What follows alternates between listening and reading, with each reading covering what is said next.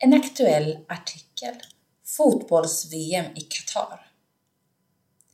Hur kan man som kristen tänka om det?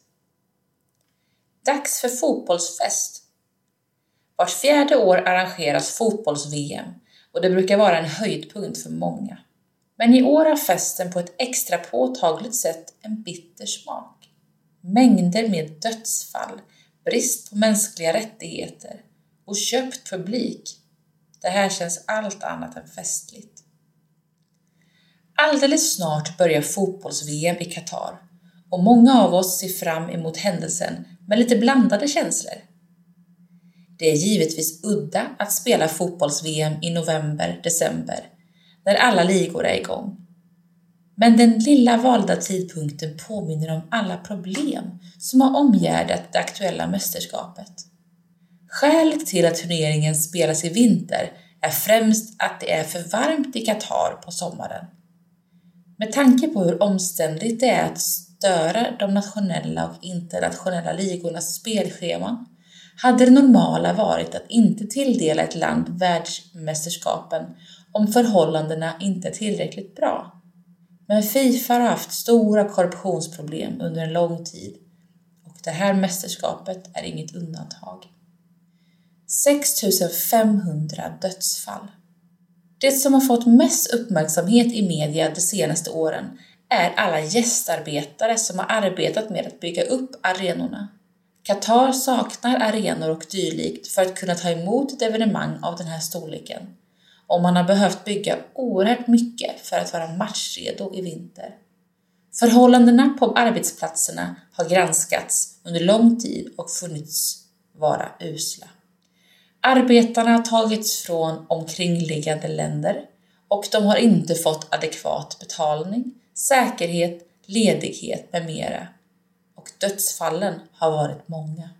I februari 2021 publicerade den brittiska dagstidningen The Guardian en artikel där de granskade dödsolyckorna bland gästarbetare i Qatar sedan landet vann rätten att stå värd för världsmästerskapet.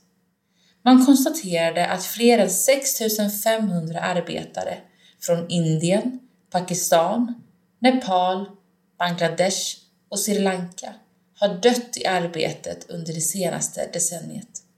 Dessutom har Qatar, som en strikt muslimsk nation, stora problem med andra grundläggande mänskliga rättigheter. Köpt publik de senaste dagarna har media rapporterat om att värdnationen köper publik från andra länder i utbyte mot positiva inlägg i sociala medier. Förhoppningen är att med sådana inlägg överrösta kritiken mot landet.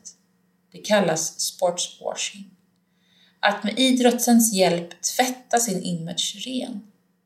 De här stora internationella arrangemangen påminner om hur brusten världen är och hur stor makt pengar har. Det visar oss en sida av synden som är mer komplicerad än våra enskilda val och handlingar. Ondskan i världen har också formen av ett maskineri vars kugghjul kan mala ner den lilla människan. Även om många kritiska röster har höjts från diverse landslag har inga länder valt att bojkotta mästerskapet, vilket också visar på hur svårt det är när etiska principer ställs mot pengar och inflytelserika organisationer som Fifa. Vad kan man göra? Hur hanterar vi det kommande mästerskapet som kristna? Som individer kan vi fundera över om vi ska se matcherna. Men rent krast kan ingen av oss åstadkomma den förändring som behövs här och nu bara genom att lägga ner fjärrkontrollen.